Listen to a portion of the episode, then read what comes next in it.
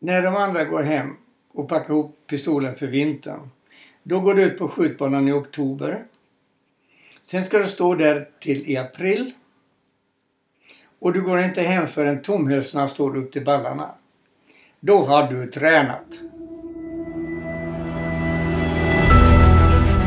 Hej och varmt välkomna till Mentala Mästare. En podcast om elitidrott, prestation och mental styrka. Vi bjuder på möten med våra allra största idrottsstjärnor för att ta reda på vad som ligger bakom just deras framgångar. Vi djupdyker i frågor som press, motgång, framgång, prestationsångest och mycket, mycket annat. Jag heter Malin Lander och gör den här podcasten tillsammans med Eva-Marie Vergård. Följ oss gärna på Instagram på mentala mastare där du även jättegärna får önska vem just du skulle vilja ha som gäst här i podden. Mentala mästare, nu kör vi! Han gjorde FN-tjänstgöring som pilot i Kongo redan under 60-talet. Han är en företagare och en entreprenör ut i fingerspetsarna och kan numera även titulera sig författare. Det är som pistolskytt som han är mest känd för det svenska folket och det var 1972 som han tog OS-guld i pistolskytte i München. En guldmedalj som förändrade Ragnar Skanåkers liv totalt. Sju olympiska spel hann han med under sin karriär och utöver detta även fyra stycken VM-guld. I dagens avsnitt så berättar Ragnar om vad tiden som pilot har betytt för honom, om vad det innebär att fokusera och kunna hålla siktet fast när hela kroppen skakar av nervositet. Vi pratar även om alla de där slitiga träningstimmarna och nötandet som ingen ser, men som enligt Ragnar är det det som krävs för att nå toppen. Varmt välkomna till Mentala Mästare! Då hälsar vi Ragnar Skanåker, legenden, välkommen till Mentala Mästare. Tack så mycket. Hur har helgen varit? Ja, den har varit bra. Den har varit torr men bra. Du, jag sa just det innan vi kom in här att det var inte mycket skotthål i själva väggarna här. Men vad har du för första minnen när det gäller att prestera? Mina första minnen det är nog... eh, Det kommer nog från flygvapnet. Eh, när jag lyckats klara inträdesproven, klara fältflygarexamen och eh, så vidare. Och sen så kom det ju slag i slag. Jag lyckades med vad jag ville uppnå. När visste du att du ville bli inom flygvapnet? Det var när jag var sex år gammal och fick ett litet flygplan utav min pappa. En byggsats. Och så byggde vi den. Så började jag flyga med den och så började man titta på måsarna som flög omkring och eh, helt oberoende utav tyngdlagen. De kunde flyga vad de ville och så vidare. Så att det föddes nog drömmen om att bli pilot. Och var föddes drömmen om att bli skytt? Ja, det kommer automatiskt därför att på 50-talet, det var ju under det kalla kriget. Och vi var tvungna att lära oss skjuta eh, för att försvara oss vid ett eh, eventuellt fallskärmshopp fiendelinjen. Man visste inte och så vidare. Eh, minnena från finska vinterkriget låg ju ganska nära då i försvarssammanhang. Och där sköt man alltså med vanliga vapen. Pistoler, gevär och så vidare. Och man skulle då alltid eh, försöka ta sig tillbaka till de egna linjerna. Det var den gamla krigföringen som låg till grund för detta. Och då var det ju faktiskt väldigt bra att kunna skjuta och träffa det man siktade på. Det började. Och jag tänker att när man lyssnar på den här bakgrunden, både som pilot och inom det militära och så vidare, så tänker jag att svaret kanske är självklart, men den här mentala styrkan som jag tänker att du innehar. Vi kommer komma in på det, att du har ju varit verksam i väldigt många år. Varifrån kommer den här mentala styrkan att kunna prestera när det gäller? Ja, egentligen så är det ganska enkelt. Man tar bort alla psykologer. För det fungerar inte på den nivån. Utan man lär sig bli så väldigt bra. Eh, så att man har reserver. Man kan sjunka 20 procent vid en tävling ändå vinna. Man måste alltså lägga eh, träningsresultaten och eh, prestationen så högt så man har reserver. I det läget, om jag får, får säga emot dig där, för jag Mm. tänker att även om jag det, det finns ju den här 10 000 timmars regeln som de pratar om att om man tränar tillräckligt mycket så kommer du bli proffs på det här. Och, men om man då tänker att man är ute och kör bil 10 000 timmar så behöver det inte betyda att man blir bra på att köra bil.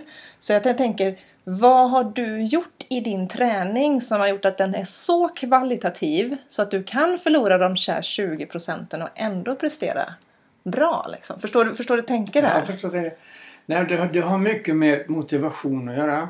Det har mycket med ärighet, ärgirighet att göra. Och det har mycket med att kan, kunna kanalisera hjärnan att göra det den ska göra. Och det, det tar tid att träna det där. Och det är fruktansvärt tråkigt att hålla på med det. Men belöningen får man ju då när man ser att det fungerar. Just när man hamnar i pressade situationer som du måste ha varit i när man tänker på att man står inför ett stort mästerskap och man känner att pulsen börjar gå upp. Ja, den går upp alltså. Eh, och gör den inte det, då är man inte engagerad. Nej. Och då vinner man inte heller. Men den får bara gå upp till en viss nivå. Ja. Där, där måste den stanna ja. alltså. Och då börjar man från början igen. Då börjar man med att skaffa sig en jättebra kondition. Så att vilopulsen kanske ligger på 50. Och det där tar tid att fixa. Två, tre, fyra timmar i veckan. Tempokörning, tempoträning som man måste stå ut med. Och då lägger man då pulsen på 80 procent utav max. Och eh, det är inte många som har lust att göra det där. Och när man, då har man grunden. Och sen så tränar man det som man eh, tycker är nödvändigt. För en skytt då så är det ju armstyrka. Då tränar man den också eh, intervallträning. Intervallträning det är det som är snabbast. Det är det snabbaste sättet att nå dit man vill. Och när man har nått den där nivån där man tycker att nu räcker det. Låt oss säga eh, man kan hålla vikterna då rakt ut. Tre, fyra, fem gånger eh, så länge som man kan hålla pistolen. Då är man alltså eh, garderad att det är inget fysiskt som fallerar. Utan det som bestämmer tiden innan skottet ska gå, det är ögat. För ögat tröttnar mellan 5 och 10 sekunder, 15-20 sekunder. Det är lite individuellt. Mm. Men det tröttnar först. Så att man, man ser inte siktet klart längre. Och skottet måste gå medan man ser siktet klart. Och när man har gjort allt det där och rätt ut saker och ting, då är det bara att köra på. Jag träffade eh, under min tidigare karriär på 60-talet träffade jag en kille, en finne som heter Linnesvo. Han var dubbelmästare, dubbel olympisk mästare. Och han sa det att när de andra går hem och packar ihop pistolen för vintern. Då går du ut på skjutbanan i oktober. Sen ska du stå där till i april. Och du går inte hem förrän tomhylsorna står upp till ballarna. Då har du tränat. Och det var jag gjorde också. Och sen så var jag helt överlägsen. Skulle du säga att kvantitet är överlägsen kvalitativ träning? Ja, det, det är en kombination. Aha. Du kan inte, i skytte i alla fall, du kan inte hoppa över den eh, kvantitativa träningen. Du måste stå och skjuta. Lite lurigt, men jag fick stå och skjuta 5-6 timmar varje dag i sex månader. Innan pistolen låg stilla. Och pistolen måste ligga stilla för att du ska kunna göra en bra avfyring. Du kan inte klippa skotten som på gevär. Det är en helt annan teknik med pistolen. Mm. Och sen så får du lära dig kvantitet och sen så börjar jag lära mig kvalitativt och styra hjärnan dit du ska ha den. Och så, framförallt är det disciplin. Och när du säger styra hjärnan där, för jag tänker att vad har du haft för nycklar för att få det där rätta mindsetet när det gäller? Jag delar upp skottet i olika sekvenser. Först så tänker man, man drömmer om hur ett bra skott ska vara. För det är lättare att repetera saker än, än att hitta på nya saker. Och då har man lyftet. Och det har man då vissa sekunder på sig. Sen har man vissa sekunder på sig att fokusera på konet. Och sen så ska konet ligga, siktet ligga i, inom riktområdet. Och sen så kan man alltså börja försöka göra en avfyring. Och den ska också ske på ett visst sätt. Och när man har då lyckats få iväg ett lyckat skott, eller ett skott överhuvudtaget, då måste man analysera det. Och när man har gjort det, då kan man kolla i kikaren eller på tvn, vilket då, hur skottet ser ut. Om det stämmer med siktbilden som man har i hjärnan. Så att det, det är ett väldigt, det, är jobbigt det där. Onekligen en hög koncentrations slash fokussituation. Prestationen verkligen. Ja. Och nu alltså, vad ska jag säga? Nu orkar jag inte. Jag vet hur man ska göra. Jag kan göra kanske i 60-70 procent av skotten. Men jag gitter inte eller jag orkar inte. Jag kan inte. Eh, jag har inte den simultankapaciteten kvar. Det är för att jag är dåligt tränad. Mm. Men herregud, vad begär folk? Jag är 84 år alltså. Jag kan ändå eh, vara med i eliten. någonstans. Ja, nej, det är helt fantastiskt. Så att, ehm, nu blir jag glad när jag skjuter en, en tia. Va? Och jag reagerar inte så mycket när jag skjuter en nia. Men förr, jävlar om jag inte sköt en tia, då blev jag arg va? på mig själv. Så det växlar. Va? Om du då blev arg på dig själv, hur blev nästa skott då? Koncentration. Alltså, så ilskan, ilskan Tio. ledde lite till att du faktiskt Nej, jag, skärpte upp skjuter, dig? ja, visst, jag skjuter inte två rad, inte på den tiden. Nej, för för det, det är ju någonting, för jag, jag har eh, testat på bågskytte. Ja. Eh, och det jag reflekterade över där, det var att om du sätter en nia till exempel, Mm. då är sannolikheten att du sätter en nia till ganska liten för en nybörjare som jag. För att saken är att ofta så blir man så exalterad så det är svårt att sätta en bra till. Men Ja. hur fungerar det för dig? För jag menar, där ju handlar det ju om att verkligen kunna kanalisera en rätt energi till nästa skott, till nästa skott, till nästa skott. Så jag menar, hur ser den kanaliseringen ut emellan skotten? Jo, alltså det, det är alltså full koncentration hela tiden. Och då orkar jag göra det. Då var det alltså inga problem. Mm. Det värsta man kan göra det är ju att eh, ställa sig upp och skjuta en olympisk final. Men jag, jag har skjutit sju olympiska spel. Och jag var i finalen i allihopa utom en. Men herregud, var nu gift vet du. Och då, eh, jag skulle inte ha åkt egentligen. Jag var inte fokuserad på att skjuta bra. Det känns som om man vill kräkas. Man mår illa. Och så tänker man varför gör jag detta när man kan sitta hemma och titta på när de andra svettas och mår illa istället framför tvn och dricka en öl och ha det bra och snacka med kompisar. Varför är man här egentligen? Men sen när man har skjutit det, ah, då mår man ju riktigt bra alltså, om det har gått bra. Då, men, men när du mår dåligt, du, du menar alltså fram till första skottet och sen går du in i en kanalisering? Eller när slutar du må dåligt? Ja, man slutar inte må dåligt. Jag mår dåligt hela tiden. Du gjorde Torsten det? Ullman, vår store mästare på 60-talet. Han kräktes inför varje olympiska spel. Alltså. Det var så. Ja, så är det. Va? Kan man bibehålla... För jag tänker bara, när man mår dåligt så blir man skakig. Och det är ju det sista som får ske i skytte. Det är det sista som sker. När man blir skakad, då, då är man ute. Då, eh, nej, då går det inte att skjuta final. Då, då har man inte kommit till finalen Nej, ens. nej, nej. Men, alltså, men jag tänker bara, när du beskriver den här hur, hur man ändå kan må dåligt men ändå kanalisera det. Alltså det måste finnas någon nyckel. Eller Jo, det men då, bara- då har jag alltså lärt mig att styra tankarna på hur man gör skotten. Mm. Och det där, det där träning. Man kan inte gå omkring och vara sloppig om dagarna och låta allting ske. Utan man måste hela tiden eh, träna. Till exempel om man ska åka och handla. Man kör bil. Ja. Då måste man alltså, det här är enkelt nu så att alla kan förstå det. va? Då börjar man långt i förväg och kolla parkeringsplatsen. Hur ska jag svänga in dit? Hur ska jag komma närmast ingången om man vill det? Hur ska jag komma därifrån bäst? Och det, det har man alltså, ska man ha klart för sig innan man svänger in på parkeringsplatsen.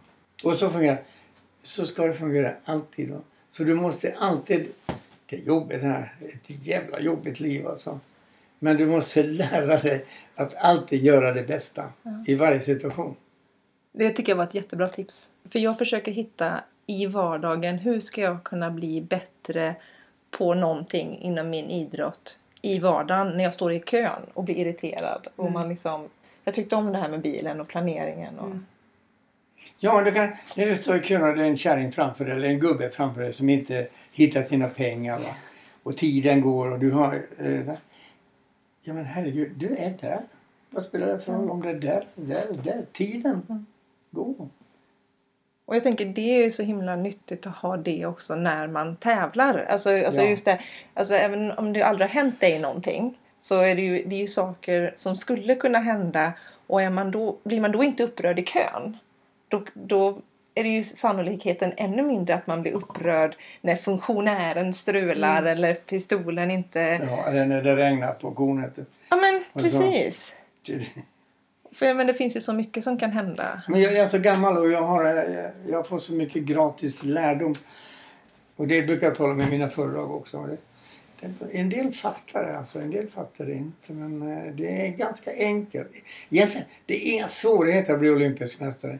Men det är en väldig massa jobb. Och man måste jobba på rätt sätt.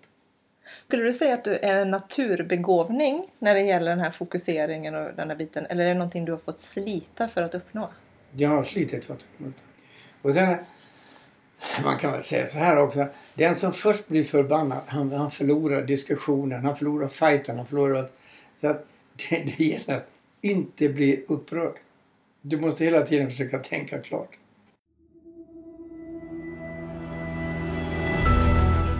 Du lyssnar på Mentala Mästare. Kom ihåg att prenumerera på podden för att inte missa nästa program. Och följ oss gärna på Instagram. Mentala Mästare.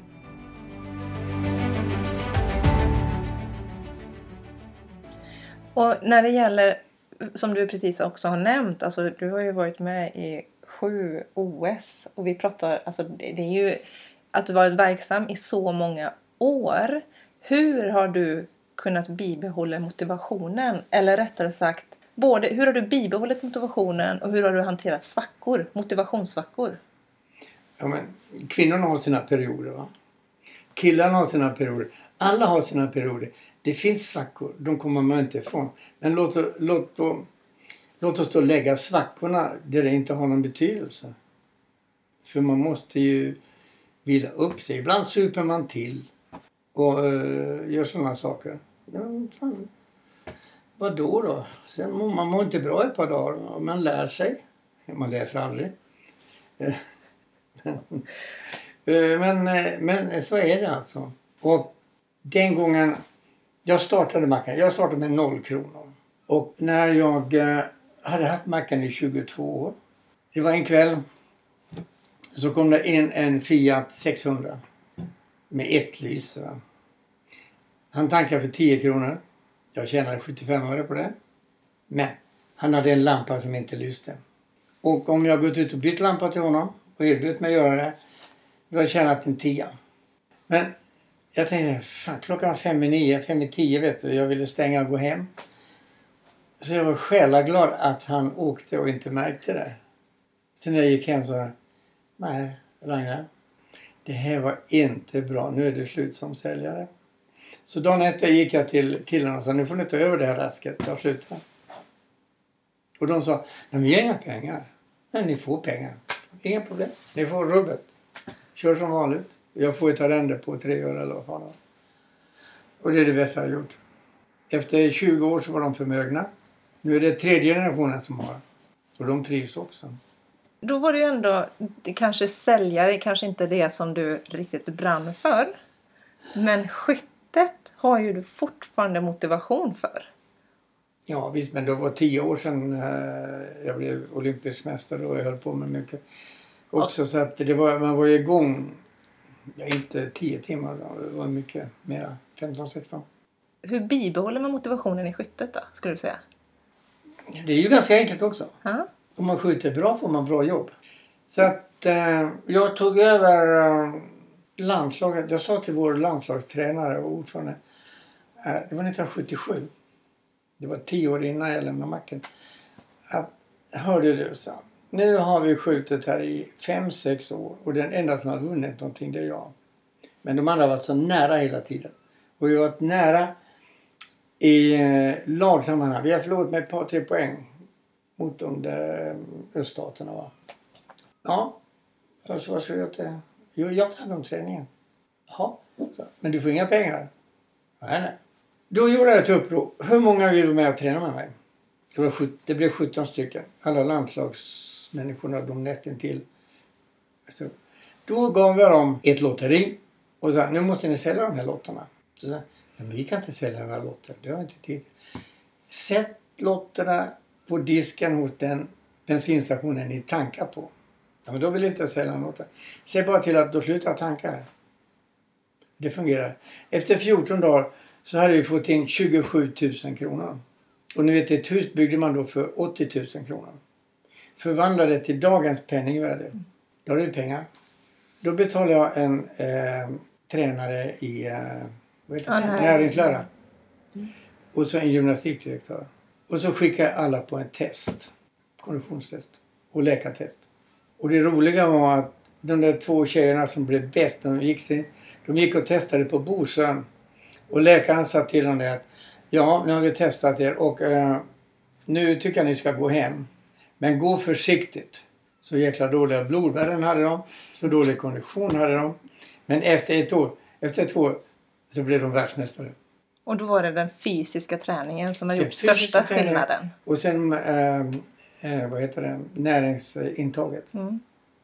De skrek ju högt när jag tvingade dem att äta leverpastej. Och, ja. Och ja, vi tog inga tabletter egentligen.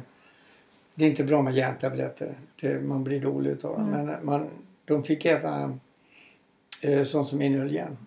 Och då steg HB-värdena från 13,5 alltså till 15-16. Och när, det, när, när man kommer upp dit på de där HB-värdena då orkar kroppen mycket mera. Jobbet blir lättare. Man orkar träna mera.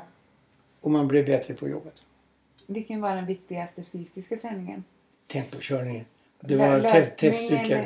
testcykel? Och det, det höll jag på med. Och sen så, det är tråkigt. Och sen simmar jag. Och sen så spelar jag tennis i 20 år. Men alltså jag, jag har ju, jag har den stora fördelen att eh, jag var född på 30-talet. Det fanns inga skolskjutsar. Det fanns ingen eh, lunch. Det fanns frisk luft. Det fanns skidor, det fanns cyklar, det fanns fotbollar. Så vi rörde oss. Och min konfirmationspräst sa det att det finns ingen generation som har det så bra som ni har. Det sa han efter 30 år. För att ni fick lagom med mat, ni fick, ni fick eh, frisk luft och ni fick motion. Så att det, lungkapaciteten hos mig det, det var ju ganska hög. Och eh, den är lika hög idag som det är hos juniorerna. Hur skulle du säga att mindsetet skilde sig då från att du var där när du var 60 till då när du var 30 till exempel? Ja, bästa var nog i 55-årsåldern, 55-60. Då, kunde, då hade jag en bil, en, en, en maxpuls på nästan 200 när jag var 60. Och vilopulsen låg på 55.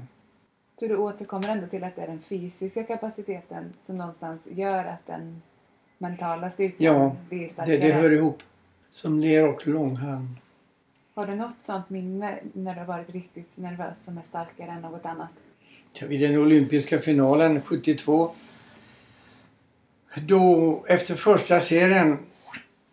Jag sköt skitbra 98 va? Och på fripistolen är det ett kanonresultat. Då ledde jag, visste jag att jag ledde. Men sen när jag skulle skjuta andra serien. Då kunde jag inte se kornet. Vad då för? Jag hade glömt att ta på mig glasögonen. Efter tio skott var jag trött då alltså. Det, det var... Men det, det gick ju det också. Hade du några speciella rutiner när du tävlade för att komma i rätt mode? Eller? Ja, det, eh, det, det har jag glömt. Men jag hade vissa rutiner. Men sen så försvann ju de där rutinerna mer och mer. Va? Utan vad som eh, gällde då under hela min karriär det var ju det att tre timmar före eh, tävlingsbörjan skulle man göra det. Och en halvtimme före skulle man göra det. Och en kvart före skulle man göra det innan det började. Visst, det fann, men det fanns en rutin där. Vad hände om någonting bröt de rutinerna som du gjorde innan? Det fick inte, det, nej, det fick inte hända bara. Och om det skulle ha hänt? Jag vet inte, det hände aldrig tror jag. Inte vad jag kommer ihåg. Men jag är begynnande i allt det här med så att fan, det, det kan jag inte svara på. Det är i alla fall inte gå ed på det. Då tänker jag, alltså hjärnspöken måste ju vara ganska vanligt även i skytte. Alltså att man får, antingen om det är rädslor, att man blir skottberörd, alltså skotträdsla eller någonting. Har du haft någon, något hjärnspöke som du har jobbat igenom? Och i så fall, hur gjorde du det? Nej, inte vad jag kommer ihåg. Men många har det. Vad skulle du ge för tips till dem då? Ja, bättre träning. Bättre träning? Bättre träning, bättre fokusering, bättre förberedelse. För att när man blir nervös. Man, varför blir man nervös? Jo, det är för att man känner sig osäker. När du känner dig säker, då blir du inte nervös. Men en olympisk final, det kommer bara vara ett fjärde år så du kan aldrig vänja dig vid det. Det är liksom att börja om. Man blir som en nybörjare. Men det är för alla. Mm. Men sen när man tittar tillbaka nu här eh, med de nya testreglerna för doping. Så vi misstänkte ju öststaterna hela tiden för någonting var ju snett. Alltså. Vi, eh, ingen kunde bevisa någonting. Så egentligen så tror jag att jag skulle haft fyra guldmedaljer istället för en. För det var bara de jag hade före mig hela tiden. Vad är det för doping de skulle kunna ha? Den killen som blev världsmästare i Korea han använde 78. Han sköt 5,77, nytt världsrekord. Och jag var tvåa på 5,69. Han använde betablockerare Mm. för att få ner pulsen. Men det var tillåtet. Jag är biolog i grunden, så för Mm. mig är mental träning väldigt mycket kopplat till fysik. Det vill säga alltså, men alltså tiden. Ja. Och, och där, då tänker jag att man också mentalt, alltså om du tänker mindfulness eller om du tänker yoga där du verkligen kan sänka pulsen. Alltså du medvetet kan sänka pulsen. Mm. Finns det någonting, förut, om vi, tänker, om vi, om vi bortser från liksom konditionsträning, finns det någonting som du kan göra för att sänka din puls? Nej, jag, jag, jag vill inte sänka den. Jag, jag vill vara vaken. Inte kanske sänka pulsen, det kanske är fel att säga sänka pulsen, men ta kontroll över pulsen. Hur ska skottet se ut? Mm. Och den rutinen alltså. Och då styr man in det där. Och då har man så mycket att göra med just det där. Va? Så då glömmer man vad man... Eh, ja. I början pratade du om ett drömskott, att du liksom kunde se det framför dig. Är det någon form av visualisering då när ja, du ser det? man visualiserar skottet. När börjar en sån visualisering? Hela proceduren. Du, tänker, du börjar med att tänka hur du lyfter. Ja. Och så. Hur siktet kommer in i skottområdet. Mm. Och sen repeterar du det. Och så smäller det och så blir det en tia. Du blir jätteglad. Ah, Det är egentligen inga märkvärdigheter Nej. det här. ändå så är det så många som har problem med det. Ja, det är klart att de inte. De tränar inte på rätt sätt. Nej. Och de vill inte det därför att det är så besvärligt. Och jag, jag har själv sökt genvägar i 50 år. Ja. Jag försöker alltid komma lindrigast undan. Men just när det gäller att bli olympisk mästare, det finns ingen Nej. genväg. Samtidigt är det ju någon, en bra kunskap att liksom säga att nej men du måste jobba hårt. Vilken av dina prestationer är du är gladast över? Ja, det är den olympiska guldmedaljen i München. Det slog ner som en bomb och det ändrade mitt liv totalt. På vilket sätt då? Ja, jag fick ju lära mig på ett mycket brutalt sätt att handskas med journalister. Det var det första. Och sen för det andra så steg försäljningen. Så att jag, jag tjänade pengar på det. Och när jag upptäckte det så upptäckte jag också det att om man säger saker och ting som är kontroversiella då hamnar man i pressen och då stiger försäljningen.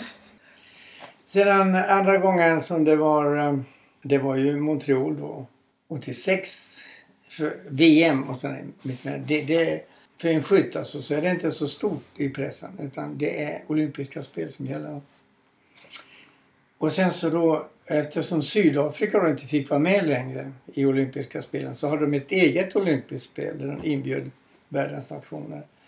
Och då kom en inbjudan till mig då. Det var olympiska mästare som fick åka va? Stort sett. Ja, så ska man söka tillstånd. Och så fick jag inget tillstånd så det skiter jag i. Så jag åkte ändå. Olympiska kommittén var, de var sura. Och Sportskytteförbundet de sa ja visst, fan inga problem. Bla, bla, men officiellt så sa fyrarna, du har ingen moral. Och så blev det ett jävla liv i pressen. Men försäljningen steg, när jag tog den olympiska medaljen, då steg den 10 procent. Men här steg den ju för fan 15. Aha. Jag lärde mig någonting där.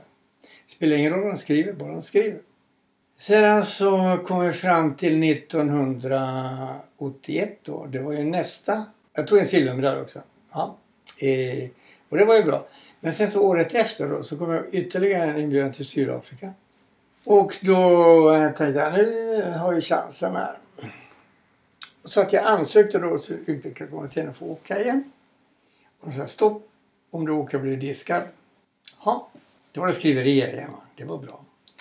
Då ringde jag ner till en kille, polischefen i Pretoria som var ordförande i deras förbund och sa ah, jag är ledsen, jag kan inte åka för att då blir jag diskad på två år. Ja, det var ju tråkigt, så. Ja, men du, om du skickar mig 2000 kronor fickpengar till varje skytt som följer med och så en biljett. Skicka 10 biljetter och eh, 25 000 kronor. Då kommer jag med hela landslaget. Fint. Fan. Då fick pengar. Och sen så frågade jag, vem är det som vill åka med? Alla vill åka med. Det är tre veckor, en sån resa. ni Det, det är ju fantastiskt med Krügerparken och eh, en tur till Rhodesia, titta på krokodilfallen, ja, eh, vad heter det? Eh, Victoriafallen, hela köret. Så. Och det var ju som, ja, det var lyxen nästan. Så att Nordenborg som var kriminalkommissarien i, i Karlstad i Värmland. Han var ordförande i sektionen. Han avgick som ordförande och blev skytt. Så han åkte också med. Och sen min fru åkte med som reseledare och min tioåriga dotter åkte med som sekreterare. Så körde vi åtta stycken skyttar. Jag tänkte, sen så gick jag till ambassaden och sa det att nu vill jag att ni skickar hem resultaten här. De slängde ut mig. Fick inte vara Så sa, du får inte vara här i Sydafrika överhuvudtaget. Ut med dig. Usch, fy. Men sen hade vi besök utav vi var på ASEA, vi var på eh, ASEA heter det. Vi, eh, Brown nu va, ABB. Ericsson, Saab. Företagen, de, de älskar jag som var där körde omkring oss som kungar. va. Så det, det glömmer de aldrig alltså. Hä! Och sen var det frågan om diskning då. Tyst. Inte ett jävla ljud. Och sen då kom vi fram till... Eh, nu berättar jag bara hur man kan göra för att öka försäljningen utan att egentligen ja, göra någonting. 84. Då fick jag en ny biljett, va? eller 85 var det. Och så nej fan, eh, nu, eh, du visste att nu är klockan slagen, nu går det inte längre. Va? Man kan inte reta dem hur länge som helst. Så sa jag till Chris Kaj då, hon var femma på olympiska spelen sist. Då. Du kan ta biljetten. Men du, håll tyst. Tala inte om det för någon. Hon åkte vet du. Och sen när hon kom hem. Hon var ju så full utav... eh, Hon kunde inte hålla tyst bara. Hon blev diskad två år och så slutade hon. Ja. För det var 70 nationer där. Hon var den enda som blev diskad. Ingen, a- inga andra länder brydde sig. Så det var det. Tränar du någonting idag? Förutom... Nej, jag skjuter när jag... Mm, tycker det är trevligt. Men jag, jag måste hålla hjärnan igång Och hur gör du det? genom att skjuta. Ingenting annat? Nej, inte mycket. Är du, har du varit sportintresserad utöver skyttet? Jag tittar på TV och dricker grogg när, när svenskarna spelar, som alla andra. Vad har du för nästa mål? Eh, det är eh, no, ja, Nordiska mästerskapen om en månad i, i Danmark, i Århus. Och sen har vi Svenska mästerskapen i sportskytte nästa helg och sen har vi Svenska mästerskapen i barnskjutning i Skövde nästa 14 dagar. Vad har du för ambitioner? Jag jag är med där därför att jag är ordförande i Sveriges vapenägares förbund och de betalar mitt uppehälle, de betalar um, traktamenten. Och då försöker jag värva medlemmar samtidigt. Så det är en kombination där. Och hur ser förberedelserna ut inför det? Nej, jag skjuter lite grann och har trevligt. Men eh, så att eh, jag har inga ambitioner. Dessutom är jag ensam i min klass. Hur funkar det när du går, åker på tävling idag? Är det så att folk skräms de av ditt namn fortfarande? Ja, jag gör. Hur Ja, märker du det? ja du, det, det märks på deras eh, sätt att prata. Inte mina kompisar som jag skjutit tillsammans men många andra som inte har sett mig innan. Skulle du säga att det påverkar deras prestation? Ja, det gör de lite grann. Finns det någon människa som har påverkat din prestation på samma sätt? Ja, det är svårt att säga.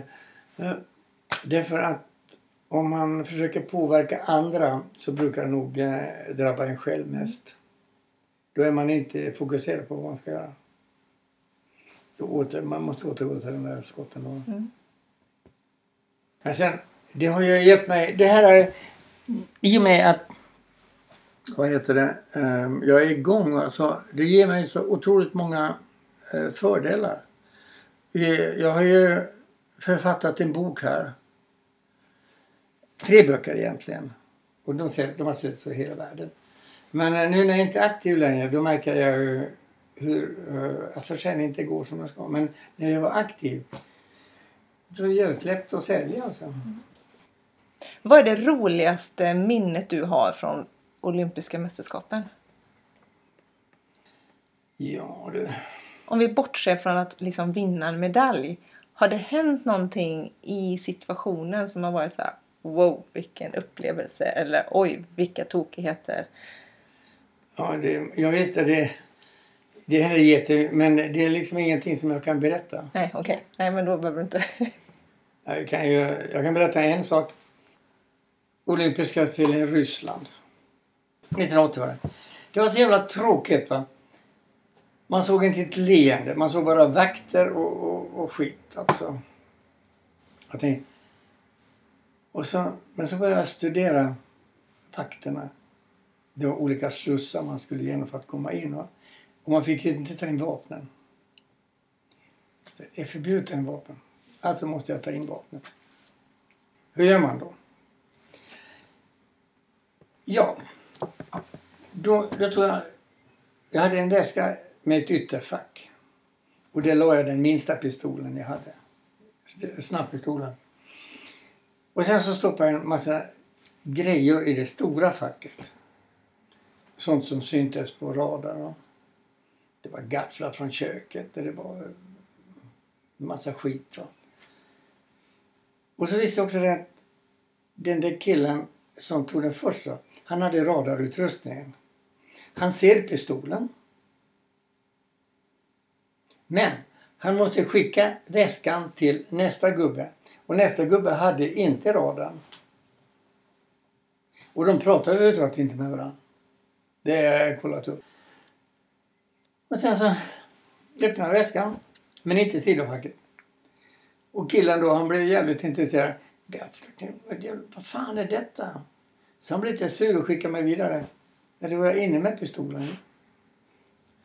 Jag ville bara bevisa att det kommunistiska systemet är fel. Ja. Och sen samma procedur när vi gick ut. Och jag hade slagt vad också om Ja. hur det skulle gå till. Så vann jag vadet. Och det är så gammalt, det är preskriberat nu. Och de som var med där, de är döda allihopa. då är det ju inga problem. Nej, det är inga problem. Nej. Då skulle jag vilja veta, vem skulle du vilja att vi intervjuar i den här podden? Och vilken fråga skulle du vilja att vi ställer till den personen? Då ska ni prata med en kille som heter Jonas Jakobsson. Jonas Jakobsson, ja. Han har tre, över 30 olympiska medaljer, VM-medaljer. Och det är den enda gevärsskytt som jag känner som verkligen kan saker och ting inifrån. Han, eh, jag tror han har ett halvtidsjobb på olympiska kommittén. Han har ett halv, halvtidsjobb på Handikappförbundet. Eh, Norge, Sverige och Danmark. Han sitter i rullstol. Han skulle vara jättespännande att Då får intervjua. vi hoppas att han vill vara med. Tack så jättemycket. Tack ska ni ha. Tack. Jag känner mig utvald. Jag är stolt över att bli tillfrågad. Så är det. Ja, vi är jätte, jättestolta. Det känns som en ära att få ha med dig i vår podd. Det är det. Verkligen.